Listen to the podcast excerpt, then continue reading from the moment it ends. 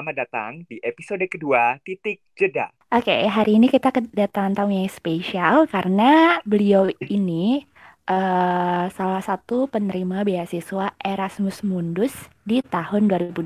Siapa dia? Kita langsung kenalan yuk. Uh, halo Kak Fai. Halo Afifah.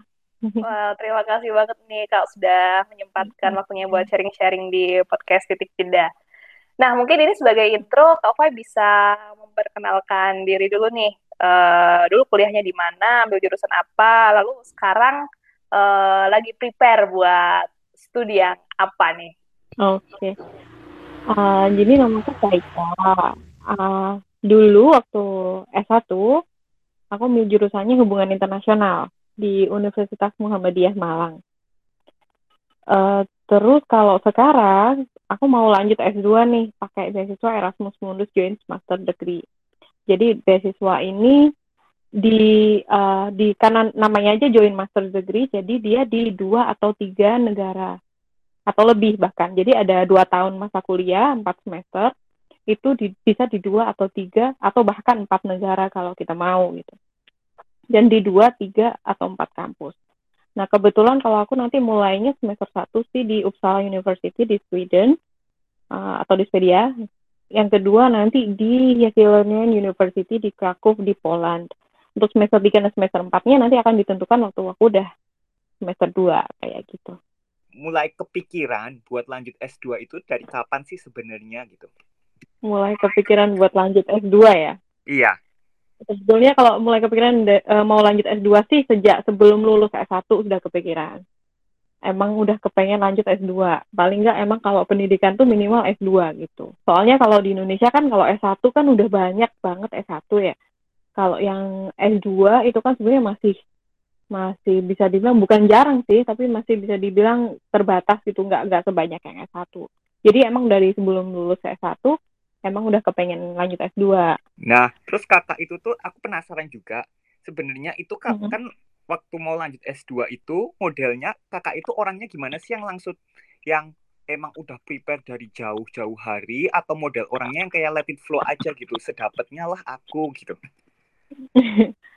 Kalau aku sih, aku tuh orangnya punya goal ya, benar-benar punya uh, kadang-kadang sih sampai kadang-kadang dipikirnya orang kok sampai kamu mikir sampai segitunya gitu. Kalau aku sih emang orangnya dream big ya dari dulu. Emang aku punya impian yang jauh gitu.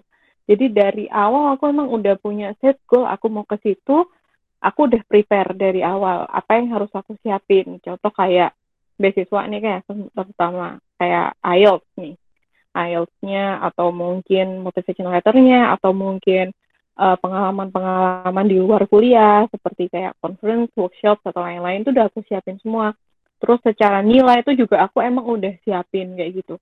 Jadi aku nggak mau gitu pepet-pepetan sama deadline kalau mau daftar beasiswa S2 atau mau daftar S2.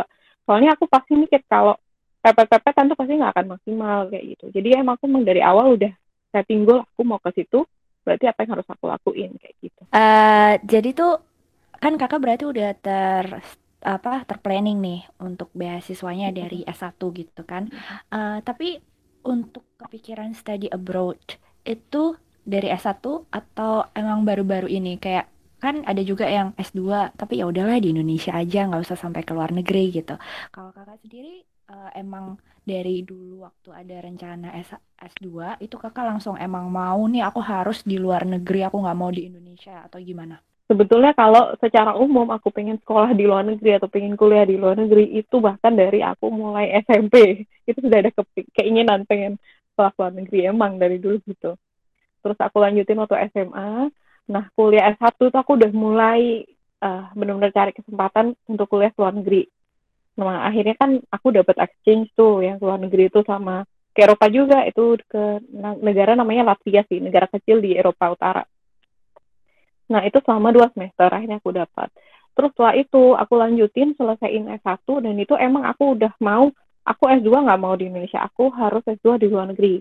Soalnya ada banyak benefit sih yang beda uh, dari yang di dalam negeri. Kalau dalam negeri biasanya kan secara pelajaran tuh emang banyak banget yang masuk tapi kurang fokus gitu. Jadi kalau di luar negeri itu lebih fokus untuk uh, sistem pembelajaran dan lain-lainnya. Itu jadinya uh, aku emang dari dulu kepingin banget ke luar negeri. Selain itu kan emang banyak pengalaman ya kalau ke luar negeri ya. Ketemu orang yang kita hmm. belum pernah kenal. Uh, terus kita juga uh, harus adaptasi dengan lingkungan yang benar-benar global, beda gitu hmm. di sini. Nah, tadi kalau dari ceritanya Kak Fai ini kan sebenarnya hmm. udah punya mimpi buat study abroad sejak SMP ya. Luar biasa banget sih itu. Yeah. SMP lalu SMA, lalu kuliah juga udah ada niat buat uh, ambil S2 di luar negeri. Nah, tapi mm -mm. Uh, Kak Fai sendiri kan ini lulus tahun 2014 kan ya. Lalu yeah. uh, baru lanjut S2-nya di tahun 2000, 2020 nih. Berarti kan mm gapnya kan juga lumayan panjang ya kan. Nah, ini mm -hmm. sebenarnya uh, apa yang terjadi dan selama jeda waktu kurang lebih enam tahun ini, Kak Fa ini ngapain aja? Oke, okay. uh, eh, 6 tahun banyak yang terjadi. Jadi gini, uh, setelah lulus itu sempat kerja di uh, kerja bareng sama US Space Corps Indonesia selama beberapa bulan. Emang kontraknya beberapa bulan.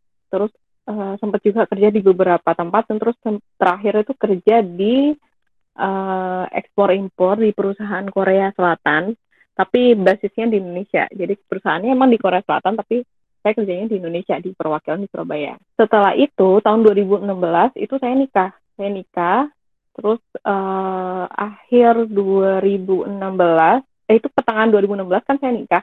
Akhir 2016 itu saya hamil gitu loh.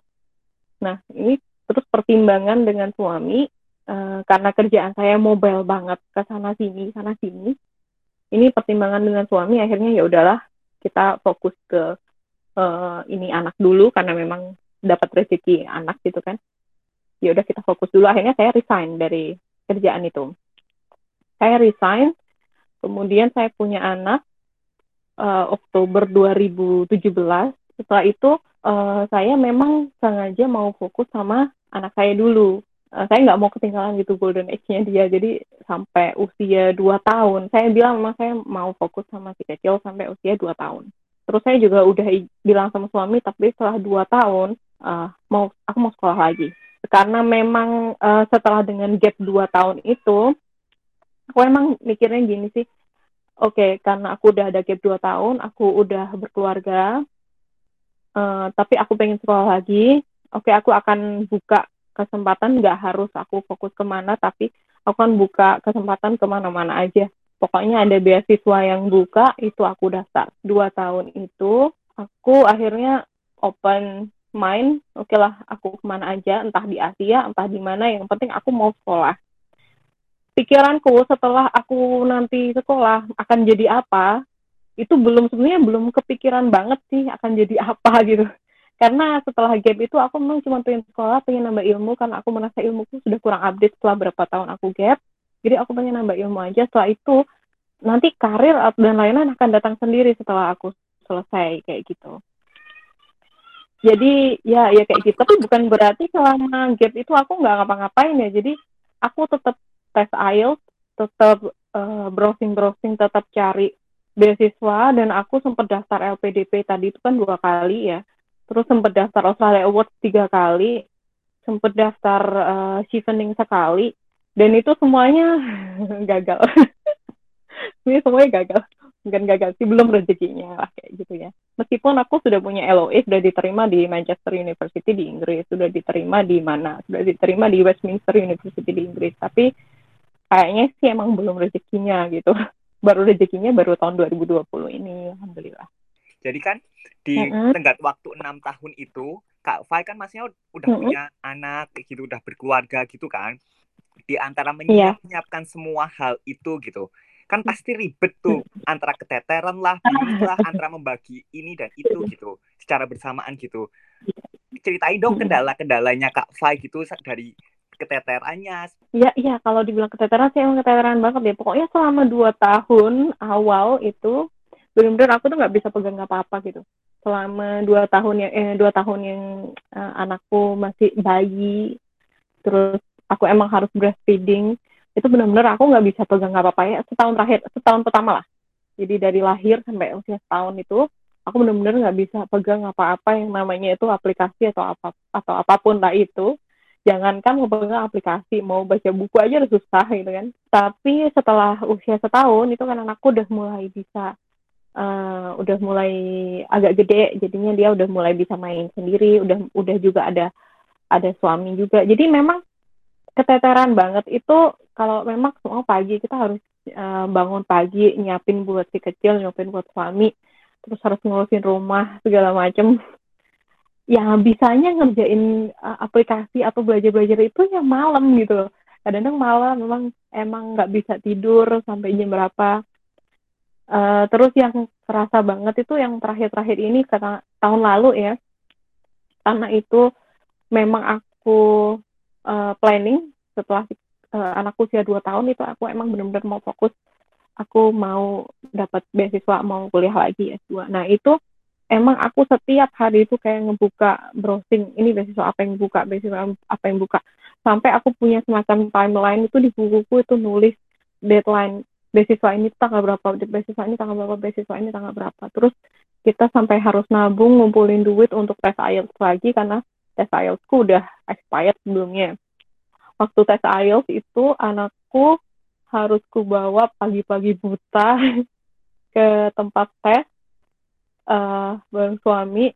Terus uh, jadi dia masih kondisi bangun tidur gitu kita bangunin kita mandiin terus kita bawa kita belum sarapan belum apa. Uh, dan waktu aku tes tuh jam 8 suamiku sama anakku nungguin di mobil sampai aku selesai tes sekitar jam 12 atau jam 1 kalau nggak salah waktu itu. Dan itu udah bener-bener suamiku sampai harus nemenin anakku sampai mulai dia makan dia nangis dia segala macam dan sampai dia ketiduran gitu kan. Terus akhirnya kita pulang dan itu aku udah mulai dapat tiket setelah tes IELTS aku dapat tiket aku daftar daftar daftar. Jadi kalau uh, aku harus tidurin kalau tiap hari aku harus tidurin anakku dulu terus habis itu aku ngedap laptop ngerjain. Terus pagi bangun lagi uh, sampai kadang ngerjain sampai tengah malam terus bangun lagi subuh subuh untuk nyiapin segala macam. Ya kayak gitu terus kalau selama apalagi kalau deket-deket dengan deadline uh, deadline deadline beasiswa kayak gitu itu harus kayak gitu. Karena ya gimana ya emang beda sih kalau masih single dulu sama yang udah punya anak punya keluarga kayak gini oke okay. nah ini mungkin yang hmm. terakhir Kak Fai uh, hmm. mungkin bisa berbagi tips nih atau wejangan buat teman-teman yang mungkin ada gap hmm. year gitu kan agak lama lalu ada masih ragu kira-kira sekolah lagi nggak ya sekolah lagi nggak ya gitu apalagi yang udah berkeluarga supaya bisa tetap mengejar mimpi-mimpi mereka. Iya deh. Uh, biasanya kalau udah berkeluarga langsung hilang semangatnya. Ya. Iya benar banyak case yang kayak gitu. Kalau untuk mereka yang memang dari awal sudah punya impian itu ada salahnya buat mereka untuk terus ngejar. Kalau mereka berhenti, kalau semua gagal, gagal, gagal terus berhenti, terus apalagi uh, karena berkeluarga terus akhirnya merasa bahwa udahlah nggak usah lagi atau apa itu itu sebenarnya salah banget karena kita nggak tahu sebetulnya kadang-kadang kita udah tinggal satu langkah aja terus kita dapat kayak gitu loh. Namanya gagal gagal gagal itu sebenarnya kita nggak tahu seberapa. Jangan-jangan kita tinggal buka pintu eh udah nyampe kayak gitu kan. Tapi kalau kita berhenti ya akhirnya kita nggak akan nyampe nyampe gitu. Terus namanya keluarga jangan jadikan itu sebagai beban gitu alasan kita nggak bisa kuliah lagi kita nggak bisa melangkah lebih jauh lagi kita nggak bisa jadi orang yang lebih baik atau kita nggak bisa uh, nempuh ilmu lagi cari ilmu lagi. Enggak justru jadikan keluarga itu sebagai support system yang paling utama Nah ini tuh sebetulnya juga banyak dialami oleh banyak sebenarnya banyak banyak award di beasiswa itu yang juga kayak gitu berkeluarga.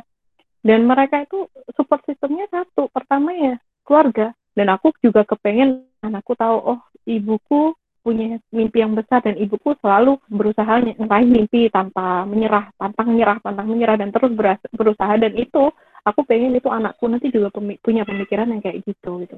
Nah ini untuk ibu-ibu semua di sana harusnya punya kayak gini juga. Jadi biar anaknya pun akan jadi strong gitu loh nantinya. Oke okay, itu tadi uh, merasuk di kolbu kak. Pesan-pesannya sangat merasuk di kolbu. Terima kasih banyak buat waktunya. Terima, kasih. Wah, seru banget kan ngobrol-ngobrol bareng Kak Fai, salah satu awardee dari beasiswa Erasmus Mundus di tahun 2020. Nah, buat kamu yang masih penasaran siapa lagi yang akan kita undang minggu depan, tetap stay tune terus di Titik Jeda Podcast. Bye-bye.